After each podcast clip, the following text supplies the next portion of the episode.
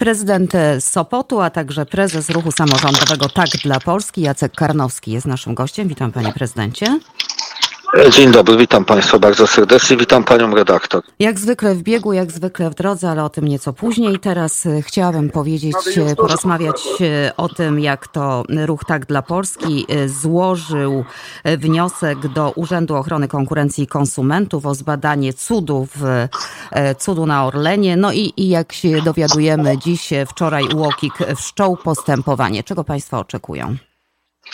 No my oczekujemy tego, że nie będzie takich nielegalnych praktyk e, w naszym kraju, dlatego żeby żeby nie, nie było takiej więcej sytuacji, że e, no, jak gdyby oszukuje się mieszkańców, oszukuje się przedsiębiorców, oszukuje się samorządowców, dlatego że bierze się e, większe ceny benzyny, e, większe ceny ropy, nabija się marże skarbowi państwa, spółce skarbu państwa, a na tym tracą każdy obywatele. No każdy obywatel straci właściwie złotówkę w listopadzie i w grudniu na benzynie, bo Orlen podniósł marżę, a potem jak gdyby ją opuścił po to, żeby jak wszedł podatek VAT wyższy, żeby wyjść na tą samą cenę. Mhm. Ile stracił Sopot na tym? Bo przecież wiemy, to komunikacja miejska. Myśmy stracili około 150 tysięcy złotych, ale są miasta dużo większe, które straciły po kilka milionów złotych.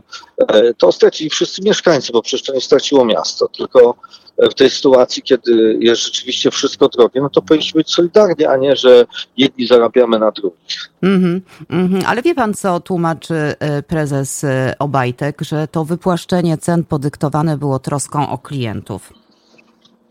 No ja, ja dziękuję taką troskę, jak ja panią redaktor będę wynajmował na przykład pokój w Sopocie i w trosce o pani redaktor wezmę od pani redaktor niż więcej za to troska. To wiem, że postawię kwiatki, tak? No to, to, to mała troska. Przecież nie oszukujmy się, nikt by nie, nie przyjechał tutaj do Polski, nie wykupił tej benzyny.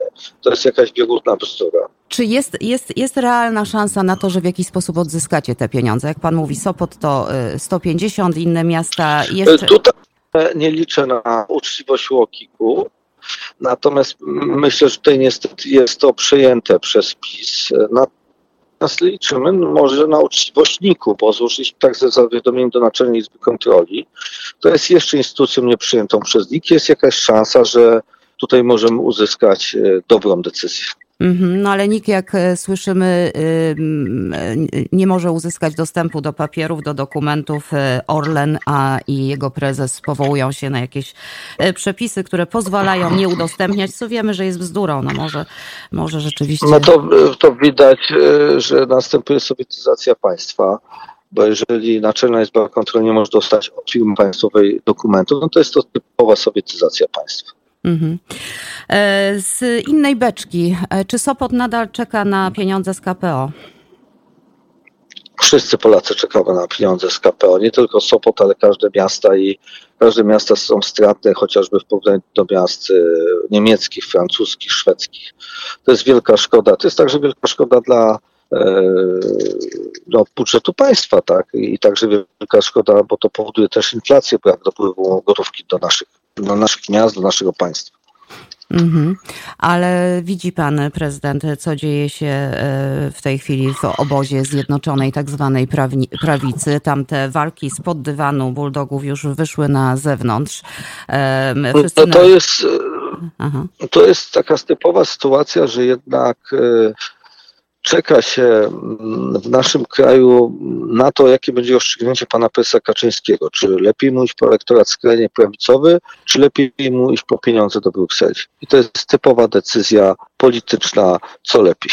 No tak, ale Ziobro po dwóch dniach spotkań z premierem, premierem rządu, w którym zasiada, dodajmy przecież, bo jest ministrem sprawiedliwości w tym rządzie, mówi właśnie dokładnie, e, czekamy teraz na to, co powie prezydent. Jak prezydent się zgodzi, to może my też się e, zgodzimy. Tymczasem... No, tak. to, to, jest, to jest tak, jak za czasów komunizmu było, że mówiono w radiu BBC czy w Radiu Wolnej Europy, że jest dobry i zły komunista w Moskwie. Jeden bardziej liberalny, a drugi bardziej e, mniej liberalny.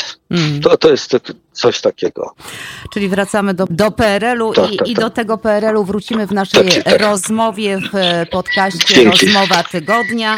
E, dziękuję za rozmowę. Jak Dzięki. Państwo Dzięki. słyszeli, mieliśmy trochę problemów technicznych, a to wszystko dlatego, że pan prezydent Jacek Karnowski jest w drodze na lotnisko w Kiszyniowie, odwiedzał Ukrainę i o tej wizycie w Ukrainie między innymi, a także o powrocie Polski do PRL-u e, porozmawiamy w dalszej części rozmowy w podcaście Rozmowa Tygodnia. Zapraszam serdecznie. Wczoraj jeszcze na lotnisku w Kiszyniowie, dziś już w Sopocie prezydent Jacek Karnowski. Część dalsza naszej rozmowy. Witam ponownie panie prezydencie.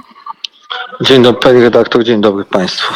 Panie prezydencie, wczoraj skończyliśmy na tym, jak e, to PiS wraca do PRL-u. Mówiliśmy o tych rozgrywkach między prezydentem, Solidarną Polską, PiSem i tak dalej, i tak więcej. Naprawdę PiSowi tak e, bardzo bliski jest PRL? To to, co się dzieje w tej chwili?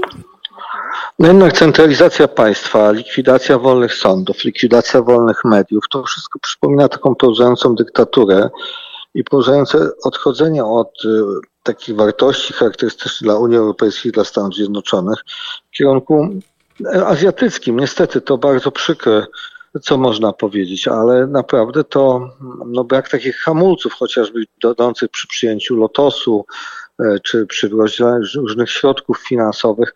No jest to niedobre bardzo zjawisko. Mhm. A jesteśmy w roku wyborczym, w roku, który rozpoczyna praktycznie potrójne wybory.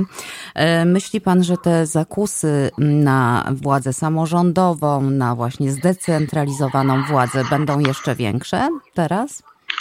Zdecydowanie tak, to widać chociażby przy próbie zmiany ordynacji wyborczej. To jest jednak nie fair zmiana takiej ordynacji w, w czasie gry. To powinno się zmieniać zawsze na 2-3 lata wcześniej, właśnie na następne wybory, a nie na te najbliższe. Widać, że to kombinowanie, majstrowanie przy zasadach jest powszechne w PiSie. Mhm. A państwo jako opozycja, pan jako e, między innymi prezes ruchu Tak dla Polski, jako prezydent Sopotu, polityk, e, co wy zamierzacie z tym zrobić? Będziecie siedzieć i z założonymi rękami i utyskiwać, czy macie jakieś e, sposoby na to? Będziemy na pewno to nagłaśniać, bo jednak Polacy są ludźmi przekornymi ludźmi, którym jak się coś chce zabrać, to tego bronią. I myślę, że tej demokracji też będą bronić i wobec tego nie zagłosują na PiS, nawet jakby nie wiem, jak zmienić tą ordynację wyborczą. Mm. Prawdziwa obrona trwa w Ukrainie. E, Ukraina broni się już e, prawie rok przed rosyjskim najeźdźcą. Pan właśnie z Ukrainy wrócił. Jaką Ukrainę tuż przed świętami, bo dziś mamy Wigilię Prawosławną, pan zastał? No Ukrainę dumną z jednej strony, Ukrainę pewną swojego zwycięstwa, ale z drugiej strony Ukrainę ciemną, e, Ukrainę, gdzie są wyłączone światła na ulicach i w domach, gdzie te światła są ograniczone do kilku godzin, gdzie są schrony z wentylatorami pod każdą szkołą, pod każdym przedszkolem i tyle dzieciaków chodzi do tych szkół, do tych przedszkoli, ile może się zmienić w schronie, czy zmieścić, czy chodzą na zmianę.